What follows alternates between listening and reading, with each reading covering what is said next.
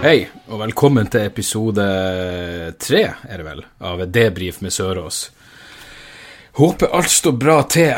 Eh, klokka er 08.26 her. Jeg har akkurat fått, eh, fått sønnen min av gårde på skole, og jeg er på null fucking søvn.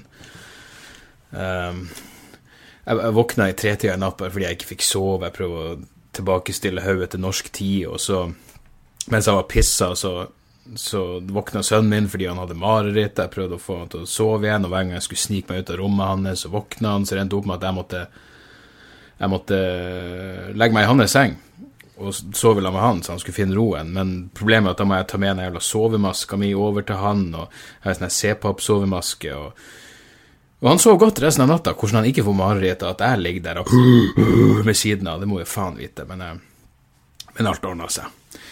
Uh, ja. Um, intromusikken, det er noen av dere som har spurt om den. Det, det, det er fra et band som heter Veislakt fra Sandnes. Uh, jævlig fett band. De kommer med en ny skive 7.9. Det, det som skjedde, var at uh, de sendte meg ut av det blå. bare, De lurte på om jeg hadde lyst til å høre skiva deres. og så sa jeg ja, absolutt. Så sendte de den over, og heldigvis var den bra. Det er jævlig flaut hvis du blir bedt om å gi tilbakemelding på noe du syns suger. Men, men, så var det en låt der jeg tenkte faen, det kunne passa bra til, som introlåt på podkasten din. Men da måtte jeg Det var et eller annet styr med Tono som er jeg vet det er vel musikernes fagforening på et eller annet vis. Så jeg syns det er bra at Tono eksisterer, men, men, det er liksom ikke noe Skal jeg begynne å regne ut hvor mange avspillinger jeg har, og hvor mye det vil koste å bruke den låta, så, så jeg kontakta bandet og sa det, dessverre så er det styr med tonen, så jeg kan, ikke, jeg kan ikke bruke musikken deres.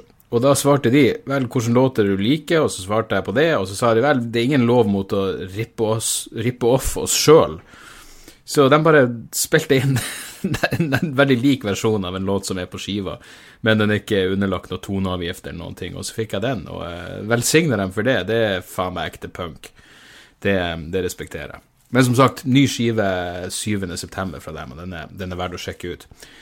Så må jeg jo takke for uh, jævlig hyggelige tilbakemeldinger på forrige podkast uh, som var fra LA, med min, min gode venn Hans Magne Skar. For de av dere som måtte lure, så uh, har han fortsatt ikke amputert armen. Men han har vel fått sterke indikasjoner på at den ideen om å ikke smøre tatoveringer i det hele tatt, det var en, en jævlig dårlig idé. Så han, så han har begynt å, har begynt å uh, tilføre litt fuktighet til et særdeles uttørka, uttørka del av armen sin. Men vi kom tilbake til Norge på Nå er det onsdag. Vi kom tilbake på mandags formiddag en eller annen gang. Og det er derfor jeg er så jævla Altså, visstnok så er det jetlag er verre østover. Uh, altså, så det var, det var, ingen problem for oss å snu om eh, døgnrytmen når, eh, når, vi kom til LA, men det kunne selvfølgelig være også fordi vi var gira og eh, i særdeles godt humør. så da var, det, da var, det, lett å snu. Men det å skulle skru klokka tilbake når man kommer hjem igjen, det er faen meg ei utfordring. Jeg, jeg sånn jeg kom hjem på formiddagen på mandag, og så klarte jeg vel å holde meg våken helt til mandagskveld. Og så skulle jeg liksom bare sove i ti timer, men det gikk jo ikke. Jeg våkna midt på natta, og så måtte jeg opp om morgenen, og så på formiddagen i tolvtida så sovner jeg.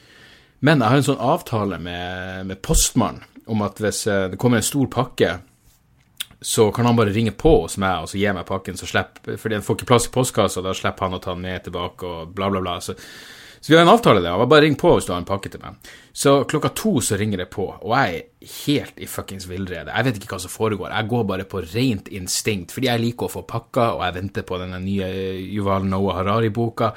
Så, så det bare ringer på, og jeg bare stormer ut av senga og ned og lukker opp døra. Og jeg våkner ikke før jeg står og prater med postmannen og ser da at heldigvis har jeg boksershortsen på meg, men det er også alt jeg har på meg. Og jeg er kritthvit i trynet og svart under øynene. Han må jo ha trodd jeg har vært på tidenes jævla blodfylle. Men, eh, men, jeg fikk boka mi, og det var jo, eh, det var jo greit. Og så, eh, så da var det Ja, hva var det da? Ser det går rundt for meg allerede. Da, da var det mandags ettermiddag på et eller annet vis. Nei, da var det tirsdags. Det var i går, for faen. Uh, og så skulle jeg ha Jeg skulle være med på en sånn showcase. Det er iStage, uh, selskapet som jeg er medeier i, har blitt slått sammen med Feelgood scene, så vi hadde en sånn showcase. Og da skulle jeg bare gjøre et par ting, men det, det var nok til at jeg bare sto på scenen og følte at hodet mitt er bare totalt jævla kaos. Men jeg tror ordene kom ut i, i riktig rekkefølge. Så alt det, der, alt det der gikk sånn som det skulle. Men jeg må uansett ta en liten oppsummering av eh, siste halvdelen av, eh, av LA-turen. For eh, når jeg og Hans Magne prata med dere, så var det vel eh, Det var på onsdagen, ja. Og vi var jo Da enda Ja, da var vi halvveis. Vi, ble, vi dro ja, på, på, søndag. Og på torsdag så fikk jeg omsider gjort et show på, eh, på Comedy Store. Eh, jeg var med på et show som heter Crack Em Up i The Belly Room. Og The Belly Room er ett av tre rom, det minste rommet på, på Comedy Store. Det, det, det, er det rommet den, siste Chapelle-specialen er filma i det rommet, og det er jo jævlig kult. Uh, eneste utfordringa var at uh, det her var jo et gig som jeg hadde fått uh, som en norsk komik som heter Jonis Josef. Jonis, shout-out! Han hadde hjulpet meg og satt meg i kontakt med de folkene som som booka det her showet. Jeg visste jo ikke at det her var en, en, veldig urban night. Og, som betyr at jeg vel var den eneste hvite komikeren der. Um, og det har jo selvfølgelig i utgangspunktet ingenting å si, men jeg, jeg vil vel tørre å påstå at min humor um, skilte, skilte, seg litt ut. Um, det gikk bra, men jeg, for det første, jeg ble jo introdusert uh, som en finsk komiker av en eller annen totalt uforståelig grunn. Og så starta jeg vel med å vitse om at uh, jeg skjønner at, at, du kan forveksle nordmenn og finner, for vi ser vel likens ut. Uh, så jeg vet ikke om jeg kom, kom ut allerede der, men jeg, jeg, jeg, tok jo opp settet mitt, så vi, vi kan høre et lite, et lite klipp her. Hi. Actually, I'm from Norway, but uh, I, I, guess we all look alike. But it's nice to be here. first of all, I know it's weird. Norwegian comic sounds like a contradiction in terms, basically, right? much like a sober good time or a baby dildo. But, um, you know, that's what I am. And I know with Norway, Norway is basically like the Soviet Union, but without the charm. But having been, I just, I'm just over here for a week, but like, looking at the homeless people here and their, their total lack of a, just a basic social safety net, it's made me realize I'm not proud to be Norwegian, but I am glad to be Norwegian. Because I'm a drinker, and if I fell through the cracks here, I'd be fucked. I really would. And I'm not even a bad drunk, you know? Like, I've been drinking for 25 years, and the worst thing I've ever done whilst drunk was I once threw a frozen pork chop at a vegan. Um, but that was self defense. Like he was making arguments, I couldn't defend myself. What are you supposed to do? You have to escalate the situation to violence. You know, that's the only, uh, the only thing that makes sense. Um, but there are, there are, of course, aspects of American culture that I do love. You're all circumcised, right? Um, like, like the guys. I mean, if everybody was circumcised, that'd be kind of fucked up. But yeah. But, uh, but I'm circumcised as well. But you do it for uh, aesthetic reasons. So I, uh, I didn't. I got uh, circumcised when I was 25 years old. And I did it for two reasons. First of all, I felt like it would give me more authority when I discussed the Israel Palestine conflict. And, um, and secondly, my foreskin was too tight. So that was kind of two, two birds with one scalpel there. But there you go. Så, men det er jævlig, uansett jævlig kult å ha uh, Comedy Store liksom skrevet av bucketlista mi. Det er, det er fett å ha stått der. Og, uh, og, Comedy Store er jo en helt nydelig klubb. Altså, det er dessverre ingenting som, som det er i Norge. Bare det at du har tre rom hvor det foregår show samtidig, og alle komikerne henger og mingler i gangene, og det er bare en sånn jævla energi der. Og i tillegg så er det liksom det er åpenbart en klubb hvor komikere tester ut materialet, liksom. Og du Jeg mener, vi så Vi, vi var um, vi var i det som heter The OR, The Original Room, og, og da er det liksom bare masse komikere i fire-fem timer i strekk, og plutselig kommer Bill Burr inn og tester ut noe nytt materiale. og og, og, når vi var i den original room Nei, um, the main room, det største rommet der, så så vi uh, blant annet Joe Rogan uh, to ganger på en kveld, og det var jævlig fett. Vi så også Tom Arnold, jeg vet ikke om dere husker han. Uh, han har spilt i en million filmer, han var, han var gift med Roseanne Barr. Men han sto eh, på den ene kvelden med, med, Rogan, og alle komikerne hadde ett kvarter hver.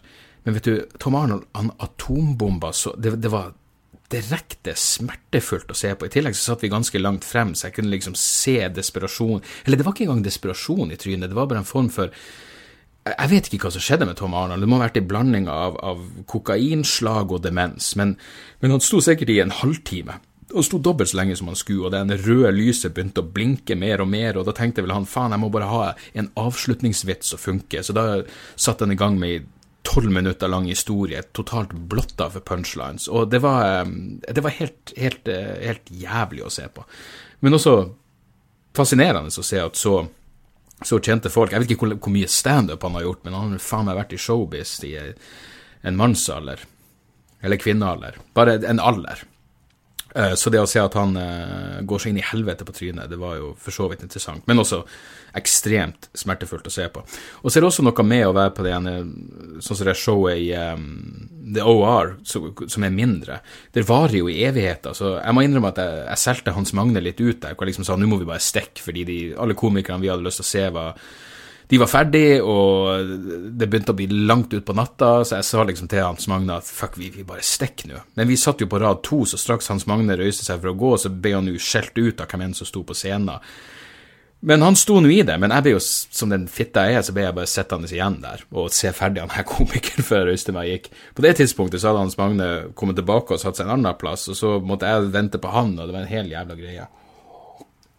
Men jeg har liksom ikke lyst til å, til å røyse meg og gå, for det var ikke det at komikeren var dårlig, vi hadde bare vært der så sinnssykt lenge, så vi begynte å bli eh, Metningspunktet var, var virkelig nådd. Men, eh, men ja, nei, Comedy Story er faen meg gull, og det var, det var skikkelig jævla inspirerende å eh, se showet. Vi så han der Chris Delia, han hadde noen helt sykt morsomme greier om hvorfor delfiner voldtar mennesker. Og, ja, nei, det var, eh, og En annen ting som jeg la merke til, er jo at eh, metoo har ikke gjort noe for å dempe humoren i det hele tatt. Jeg mener alle de illusjonene om at humor er død, og, og, man kan ikke kødde med ditt og datt. Fy faen for noe bullshit det er. Jeg mener, det var Folk var beinhard i eh, eh, ja, tidvis kritikk av metoo. Både, både, Bill Burr og Joe Rogan hadde noen jævlig bra greier om det, som, som jeg syns var helt, eh, helt fortreffelig. Så det var eh, Nei, det var kult å se. Når vi er inne på metoo og humor, så så jeg at, uh, at Louis CK nå har gjort comeback. Han hadde vel stått på Comedy Cellar i, i New York uh, for et par dager siden nå. Uh, det, eneste, det var en artikkel om det i New York Times. Det eneste som var rart, var at det sto at det var klassisk Louis CK-materiale han gjorde. Men han hadde tydeligvis ikke kommentert alt som har skjedd i år, som virker jævlig rart. For klassisk Louis CK-materiale er jo runkemateriale. Hvis han bare går opp og begynner å gjøre runkevitser uten å en gang anerkjenner den enorme jævla eh, å si, lilla, blodsprengte elefanten i rommet, så virker jo det, virker jo det jævlig rart. Men eh, uansett interessant at han er tilbake. Det var selvfølgelig bare et spørsmål, uh, et spørsmål om tid, og jeg er sykt spent på å høre hvordan, han skal, hvordan hans uh, comeback kommer til å bli.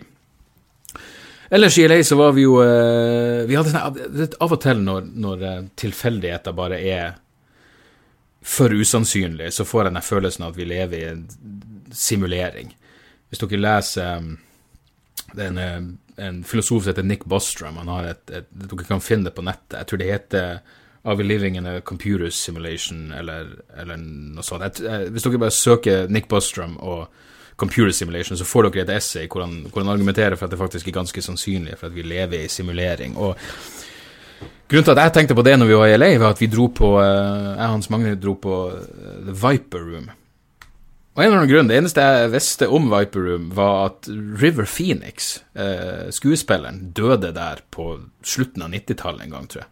Jeg tror han og Johnny Depp var innom der, og River Phoenix tok noen kombinasjon av heroin og kokain som bare som, som ikke lot seg forene med hans øvrige fysiologi, så han daua vel ut, utfor der. Men uansett, når vi var der, så tok jeg og filma Hans Magne på Instagram og bare, og bare sa liksom at vi tar en drink til minne for River Phoenix. og og så var det en, en kompis oss som bare skrev at uh, om det ikke var litt mørkt å uh, skåle for River Phoenix på Viper Room på bursdagen til River Phoenix. Jeg bare Fuck, er det menneskelig mulig at River Phoenix hadde hatt bursdag akkurat den dagen vi tilfeldigvis var innom Viper Room? Så det var jo uh, en herlig tilfeldighet som gjør at jeg tror at Nick Bostrom er, er inne på noe. Så dro vi selvfølgelig også på Rainbow Bar and Grill, som var Lemmy fra Motorhead sin, sin stamplass, hvor han satt uh, hypa opp på speed og, og drakk whisky og spilte pinball. Der har de um, en, egen, en, egen, seksjon, en sånn uteseksjon som heter Lemmys Lounge, og det er jo bare en mekka for enhver Motorhead-fan. Uh, Ja, nei, så det var Det var jævlig, jævlig fett. Uh, ellers, vi, vi, vi, vi, Selvfølgelig, det er jo jævlig enormt jævla svært i LA, og uh, verken jeg eller Hans Magne var i noe kjørbar tilstand. Så vi tok jo uh, Uber og, og Lyft, uh, som var adskillig rimeligere enn Uber, faktisk, rundt omkring. Men vi hadde en sjåfør på en lang tur um, fra Brasil, og han sa det jeg allerede mistenkte, som var at LA er åpenbart en jævlig kul by å bo i hvis du har penger, men hvis du ikke har penger, så må det være et jævla mareritt. Um, og han sa at uh, For de prater liksom om både hjemløse og, og, helseforsikring og sånne ting. Og han sa at nå er det det er gått så langt, nå er det så dyrt å bli plukka opp av en ambulanse i USA hvis du ikke har helseforsikring, at Uber-sjåfører blir lært opp i hvor, å hente syke mennesker. Det kommer til det punktet hvor, hvor liksom Hvor Uber og Lyft skal skal fungere som en ambulansetjeneste for de som ikke har råd til en ordentlig ambulanse, og det er jo mildt sagt eh, en relativt forstyrrende tanke, både for Uber-sjåførene og, eh, og, deres potensielle pasienter. Og eh, jeg og Hans Magne vi, hang, vi, vi, var, vi bodde oppe i West Hollywood, som er jævlig fint, og så var vi ute i Silver Lake, og det var nydelig, og Santa Monica var helt konge, men så dro vi en tur ned i downtown LA for jeg hadde lyst til å dra på en plass som heter Mission District, for jeg har en, eh, en sekkefetisj. Og Mission, eh, Mission, Workshop lager kvalitetssekker av bager. Så jeg hadde lyst til å dra og, og, sjekke den butikken. Problemet var at den ligger i downtown, liksom i nesten området mot Skid Row, som virkelig er uh, der de hjemløse ofte ender opp i LA. Og fy faen, downtown LA var bekmørkt og dypt jævla deprimerende. Og jeg mener, hjemløse folk er én ting, men det her er så åpenbart hjemløse folk med seriøse mentale problemer. Jeg mener ikke bare sånn at de går og vifter i lufta og prater med seg sjøl, jeg mener at de springer ut i trafikken. Og vet du, vi, var, vi, var, um, vi gikk jo et godt stykke ned der, og så snudde vi bare til slutt, fordi plutselig kom det ei kjerring stormende ut av en liquor store og bare ropte I'll tell them you fuck kids, motherfucker! Og det setter jeg ut. Dette var i tillegg den, dette var lørdag, og da hadde Hans Magne bestemt oss for at vi, vi må, vi må vi, vi hadde ei hard uke, så vi, vi, vi, kjører en nykter, en nykter siste dag i LA. Og så blir vi konfrontert med her dama, og, og, og nykterhet og fyllenerver, og noen som bare anklager deg for pedofili på eh, lite til inget grunnlag. Det, det, var en for brutal kombinasjon, så vi kom oss til helvete bort derifra. Downtown LA, fy faen, så jævlig deprimerende. Kanskje den mest deprimerende plassen jeg noen gang har vært, og jeg har vært i Kabul. Men, eh, men utenom det så var jo eh, Så var det en helt fantastisk tur. Vi satt inne på, på en bar en ettermiddag, og så eh, Det var en litt sånn Det var, en mørk bar. Og plutselig så ser vi bare en masse politifolk utenfor baren. Og både, og både, bartenderen og de som sitter i baren og drikker, sier bare 'nei, nei, nei, ikke kom inn her, ikke kom inn her'. Og så kommer det faen meg en hel gjeng, men det var sånn ti-tolv politifolk inn i baren. Men da viste det seg at alle i baren kjente dem. De hadde tydeligvis bare ikke lyst til at de skulle komme innom og ta lunsjen sin der. Men, eh, men alle de politifolkene slo seg ned, og jeg mener Verken jeg eller Hans Magne hadde noen grunn til å, til å være redd politiet, men det er et eller annet med så mange politifolk som sitter så nært deg over lengre tid. Jeg, jeg får sånne tvangstanker. da Jeg bare så på, på gunneren deres og tenkte hva hvis jeg bare tar opp den pistolen? Og det da det slo meg. liksom, det, Veien fra en Bloody Mary til Suicide by Cop er egentlig ganske, ganske jævla kort. Uh, I tillegg så var ikke, vi, når vi gikk forbi, så så vi på uniformen, for jeg tenkte det er sånn grønne uniformer, det der virker ikke som vanlig LAPD. Og da sto det Volunteer Police, altså frivillig politi. For Hans Magne påpekte at de var i sånn helvetes dårlig form. De så klassisk amerikansk ut. Og jeg tenkte hvordan i faen kan du være i så dårlig form og være politiperson? Er det ikke noe jævla krav til grunnleggende, eh, grunnleggende, fysiske ferdigheter. Men da var de tydeligvis noe frivillig politi. Frivillige, men med skarpladde våpen på, på, hofta. Og det er jo, eh, det er jo betryggende. Vi eh, får også vandra i Silver Lake når de tilfeldigvis satte opp en sånn fyllekjøringskontroll. Og det var en jævla stor prosess med en masse politifolk, og de satte opp sperringer og ditt og datt. Og det her var bare en forberedelse på å starte en sånn DUI-check. Og, eh, og jeg og Hans Magne hadde lyst til å, um, lyst til å se om noen ble stoppa. Um, og da så vi at noen satte opp det vi trodde Noen satte opp stoler. Og vi trodde ærlig talt at det var publikum. At, var, at de satte opp seter til publikum som vi kunne sitte og se på. Men det var selvfølgelig stoler til politifolkene som hadde en lang dag foran seg med å sjekke om, eh, om folk har for mye alkohol og cannabis og diverse i, eh, i blodet sitt. Så eh, vi, vi, vi bare skippa den. Men ja, det, det var vel LA, det. Når vi skulle når vi skulle reise hjem, så var vi på um, SAS-loungen på LAX. Og uh, jeg var selvfølgelig i halvkoma, og um, jeg skulle ta meg noe De hadde noe sånn asiatisk mat som så, som så jævlig god ut. Jeg var sinnssykt sulten. Så jeg fylte oppi, lassa på med diverse ting, og så plutselig så sier Hans Magnus at helvete hvor du kjører nedpå med den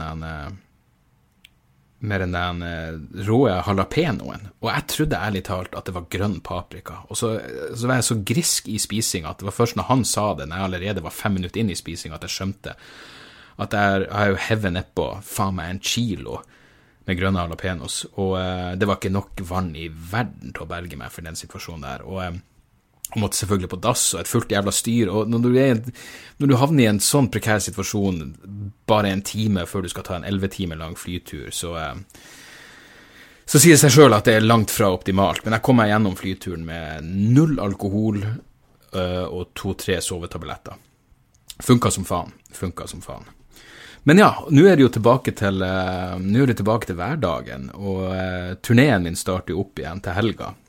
På fredag skal jeg til, til Jessheim, og på lørdag skal jeg til Tromsø. Uh, og jeg tror det er, det er, litt billetter igjen, men det er faen meg ytterst få. Og det at det, det blir fullt hus i Tromsø også, og det syns jeg er helt jævla rått. Så jeg gleder meg, jeg gleder meg skikkelig til det. Um, prøver bare å se på turneen. Ja, så, så Jessheim og, og, Tromsø til helga. Neste helg så skal jeg til Åles, Neste fredag skal jeg til Ålesund. Der er det ytterst få billetter igjen. Uh, og så er det Levanger dagen etterpå, og der tror jeg Der er det helt sikkert uh, Helt sikkert billetter igjen. Levanger? Jeg vet jeg har vært der før og, og at jeg hadde det gøy, men jeg er litt usikker på Ja, der er bare halvparten av billettene solgt, så uh, hvis du bor i Levanger, spre gjerne ordet om at jeg om at jeg kommer dit. Et. Uh, ellers så er det lagt ut ekstraforestillinger i Harstad 14.9., uh, samme, samme kvelden, og i Haugesund, uh, men det er 28.9., også et ekstra show samme kvelden. Og ja, det er jo helt nydelig. I tillegg så er billetter lagt ut nå til ekstrashowet på Rockefeller i Oslo, hvor jeg skal filme demokrati. Så det blir, det blir to show den kvelden. Og, eh, og amen for det. Jeg har virkelig bare prata i Nei, faen jeg prata i 20 minutter. Jeg tror det sto 11 minutter. Nå skal du tro. Uh, ellers så har jeg jo fått noen mailer. Jeg skal se det. Mange, mange hyggelige tilbakemeldinger, og det setter jeg jo um, stor pris på. Uh, men så er det noen som sånne ønsker som ikke sletter å oppfølge. Anders spør f.eks. om jeg kan prate om The Ripper Crew fra Chicago i neste podkast. Det måtte jeg bare google raskt her i sted. Og The Ripper Crew var visst ei satanisk sekt som drepte 18 stykker i Illinois mellom 81 og 82. Så det her er rett og slett noe jeg må, må sette meg litt inn i. Og så skal ikke Anders se bort ifra at jeg kommer til å prate om det ved en senere anledning, om så bare på, på scenen. Og så er det også en kar jeg, jeg vet ikke, jeg burde kanskje ikke lese opp jo Ivan, vi kan jo gå for fornavnet, som er en ung mann som har lyst til å begynne med standup. Og det her er, det her er Jeg får mange sånne her meldinger om, om, jeg har tips til hvordan man skal begynne med standup. Og egentlig så, så, har jeg ikke det. Jeg mener, Ivan er jo tydeligvis i Oslo-området, så det jeg bestandig sier, er sett sammen fem minutter med det beste materialet du har, og meld deg opp på en open mic. Liksom. Eh, ta kontakt med prøverøret, eller det, det er en masse scener i Oslo hvor du kan gjøre standup. Og, og så gjør du de fem minuttene, og så finner du fort ut om det her er for deg. Jeg mener, jeg, jeg, jeg, kan ikke gi et tips til noen annet enn prøv. Hvis du har lyst, prøv, og så kan jeg love deg at du fort finner ut om, om det her er noe for deg. Og, og, og, liksom, hvis man har noe Jeg, er så var for å gi folk eh, for å gi folk råd uansett. Det eneste rådet jeg vil gi, er at ikke, ikke ta noe fucking standup-kurs. Jeg mener, det, jeg har venner som driver de kursene, men eh, jeg, jeg, er ikke en tilhenger av det i det hele tatt. Det er mulig morsom Folk som allerede er morsomme, kan få et eller annet ut av et sånt kurs. Jeg vet da faen. Men du kan ikke lære noen som ikke er naturlig morsom, å bli morsom. Det tror jeg er totalt bullshit. Så, så mitt, mitt, eneste råd er ikke ta et kurs, men bare meld deg opp og prøv deg, så finner du fort ut om det her er for deg. Og så er det bare å spørre andre komikere, så kan jeg love at det, det, du kommer til å få alle de innspillene du måtte, du måtte ønske, min gode venn. Jeg mener, den Måten jeg begynte med standup på, det er sånn en historie jeg har fortalt i mange intervjuer, men som jeg egentlig ikke liker å fortelle fordi den høres, den høres oppkonstruert ut. Men den er, den er helt fucking sann, som er at jeg begynte med standup for å imponere ei dame. Det var virkelig ikke noe mer enn nobelt enn det. Jeg kan til huske første gangen da jeg studerte i Tromsø, i, jeg må ha vært i 1999 eller noe sånt, så husker jeg at en kompis satt på eh, Driv i Tromsø. Og så skulle det komme en eller annen norsk komiker skulle komme og ha show der. Og så satt jeg og kompisen min og prata om hvor absurd det hadde vært å prøve standup, fordi vi var, vi var, litt interessert i det. Men selv da det virka så jævla fjernt. Det var liksom ikke noe som vi, vi vurderte seriøst. Men så når jeg studerte i Trondheim, så var det liksom Hei, jeg er Når, når, når, når, når um, utseende og personlighet ikke strekker til, så må man finne annet for å få kjærligheten i sitt liv. Så jeg meldte meg opp en sted, på en sånn open mic-kveld i, eh, i, Trondheim. Og det funka som faen. Da må jeg prøve å Grunnen til at jeg ikke liker å fortelle historier, og grunnen til at den høres oppkonstruert ut Jeg liker ikke å fortelle historier, og her forteller jeg den helt uoppfordra. Det er kanskje bare for å understreke at den faktisk er sann, men dama jeg prøvde å imponere, og som jeg, som, som jeg inviterte med på min første open mic-kveld, er jo nå eh, fruen. Så det ordna seg jo. Jeg vet ikke hvor imponert hun egentlig var over eh, standupen min, fordi eh, det tok fortsatt noen år før det løsna skikkelig. Men, eh, men, det var den, den, store grunnen til at jeg prøvde standup. Det var ikke noe sånn at oh, jeg vil like bare få folk til å flire, eller jeg vil gjøre verden til et bedre sted. Nei, jeg ville, jeg ville få meg et ligg med mere. Og, og heldigvis, heldigvis ordna det jo det seg etter hvert. Men, men, jeg spurte ingen om, om noe råd. Faktisk, jeg husker vi hadde et sånt tekstmøte før det første showet, og du er jo du er dritnervøs og helt usikker på absolutt alt. Så jeg husker vi, alle komikerne som skulle stå for første gang, var på et tekstmøte hos han som da drev Standup Trondheim. Eh, og på det tidspunktet så trodde jeg at hey, hvis, du, hvis du driver en standup-klubb, så vet du vel hva du holder på med, du kan vel humor. Men eh, nei, det viste seg at han hadde null jævla peiling. Men jeg husker bare at jeg, jeg leste vel opp en del av vitsene mine, og hans svar var har du tenkt å gjøre det her på ei scene? Jeg bare ja, det her er ikke B-materialet mitt, det her er det jeg har planlagt å gjøre. Og så Da ble jeg bare enda mer usikker, og sov jo ingenting kvelden før, mye av det her jævla tekstmøtet. Men, uh, men, det gikk jo helt fortreffelig første gangen, så det var en viktig lærdom. Lærdommen var ikke hør på hva andre sier om humoren din, bare prøv det ut på egen hånd. Og folk som driver komiklubber, har ikke nødvendigvis en jævla god peiling på humor. Så uh, jeg tror Doug Stanhope pleier å um, pleier å sitere en annen komiker som sier 'ikke ta råd' fra andre komikere, fordi de vil bare prøve å få deg til å bli mer som seg sjøl. Og jeg, jeg, tror det, det, er mye sannhet i det. Selv om det finnes de der ute som er jævlig gode på å gi konstruktiv kritikk. Jeg er bare ikke en av dem. Men ja, det er der vi er. Fuckings hodet mitt er bare ikke på plass, folkens. Det er derfor det. I går så satt jeg og skulle bare prøve å lese avisa, og jeg måtte bare lese hver setning fire ganger, og ingenting festa seg i hodet. Eh, så, eh, så, jeg tror rett og slett at jeg blir nødt til å komme sterkere tilbake ved en senere anledning. Eh, men avslutningsvis et par tips føler jeg alltids for å komme. Barry på HBO Nordic er en helt fantastisk serie. Um, Nå er det noen måneder siden jeg så den, men i helvete så nydelig. Det er en serie om en, en leiemorder som, uh, som, har lyst til å uh, branche ut og finne seg en ny jobb og bli skuespiller i stedet. Og det er det morsom og voldelig og mørk og menneskelig. Helt jævla fortreffelig. Så, så, Barry på HBO kan jeg ikke anbefale Kan jeg ikke anbefale nok.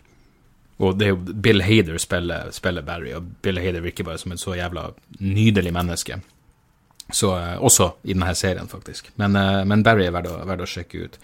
på musikkfronten, nå vet jeg jo ikke hva dere liker, men uh, jeg hører jo på alt fra, fra reggae til necro black metal. Men det kom en ei Men jeg må innrømme, metal er Jeg tror jeg hører mer på rock enn metal nå.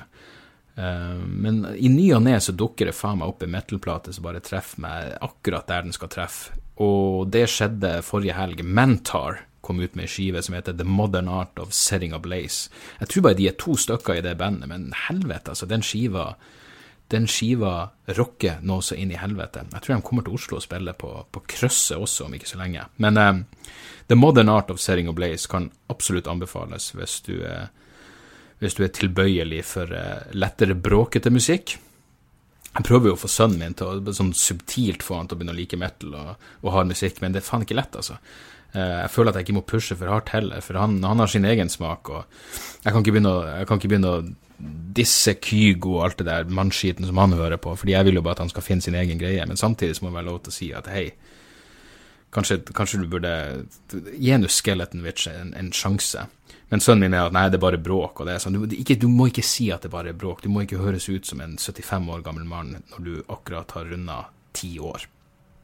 Tror jeg faen meg at jeg skal prøve å sove litt igjen nå når jeg får det her unnagjort. Men uh, folkens, jeg, jeg, gleder meg som faen til å se dere ute på veien i høst. Jeg gleder meg som faen til å komme i gang med demokratiturneen igjen. Og jeg er så sykt jævla takknemlig for at så mange av dere plukker opp billetter. For uh, live standup er, er det jeg lever for. Og som jeg har sagt tidligere, denne podkasten handler i bunn og grunn bare om å få flere av dere på, uh, på showene mine. Og i det grad den, den har den effekten, så er, jeg, så er jeg storfornøyd med det. Men nå skal jeg gå og legge meg, og jeg skal faen meg legge meg naken sånn at eh, postmannen virkelig får eh, valuta for pengene hvis han ringer på igjen i dag.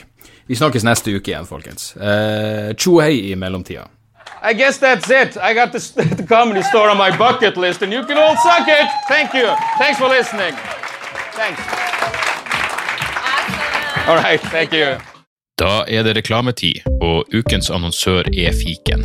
Hør her, jeg, jeg, jeg avskyr ordet regnskap. Ordet regnskap eh, gir meg assosiasjoner som er uhyggelige. Det får meg til å tenke på andre uhyggelige ord som ettersyn og underlivsundersøkelse. Men regnskap er et nødvendig onde, og fiken er et så enkelt regnskapsprogram at selv jeg kan klare å ha kontroll på finansene hvis jeg bruker det. Eh, du kan registrere kjøpene dine bare med å ta et bilde av kvitteringa med appen, og så kan du bare hive, hive kvitteringen. Hvor nydelig kan det bli? Og Fiken forholder seg også til regnskap med overkommelige ord. Det er ikke masse overkomplisert økonomisk terminologi. De kaller det kjøp og salg i stedet for hva enn de kaller det på BI. Og du kan, eh, du kan få fiken til å sende purringene dine, sånn at du slipper å gjøre det sjøl. Slipper du de der flaue øyeblikkene hvor du må skrive 'unnskyld meg, men det står noe utestående her, kan du fikse det fortest mulig', eller må jeg sende, sende mafiaen etter deg? Nei, fiken fikser det, så kan du skylde på algoritmene. Du slipper dårlig stemning. Jeg syns det er utrolig greit å slippe å styre med sånne ting sjøl, og nå kan du prøve fiken gratis i 30 dager. Hva, hva har du å tape? Bokstavelig talt ingen verdens ting. Så gå inn på fiken.no og prøv fiken gratis i 30 dager. Ok? Det var ikke så vanskelig.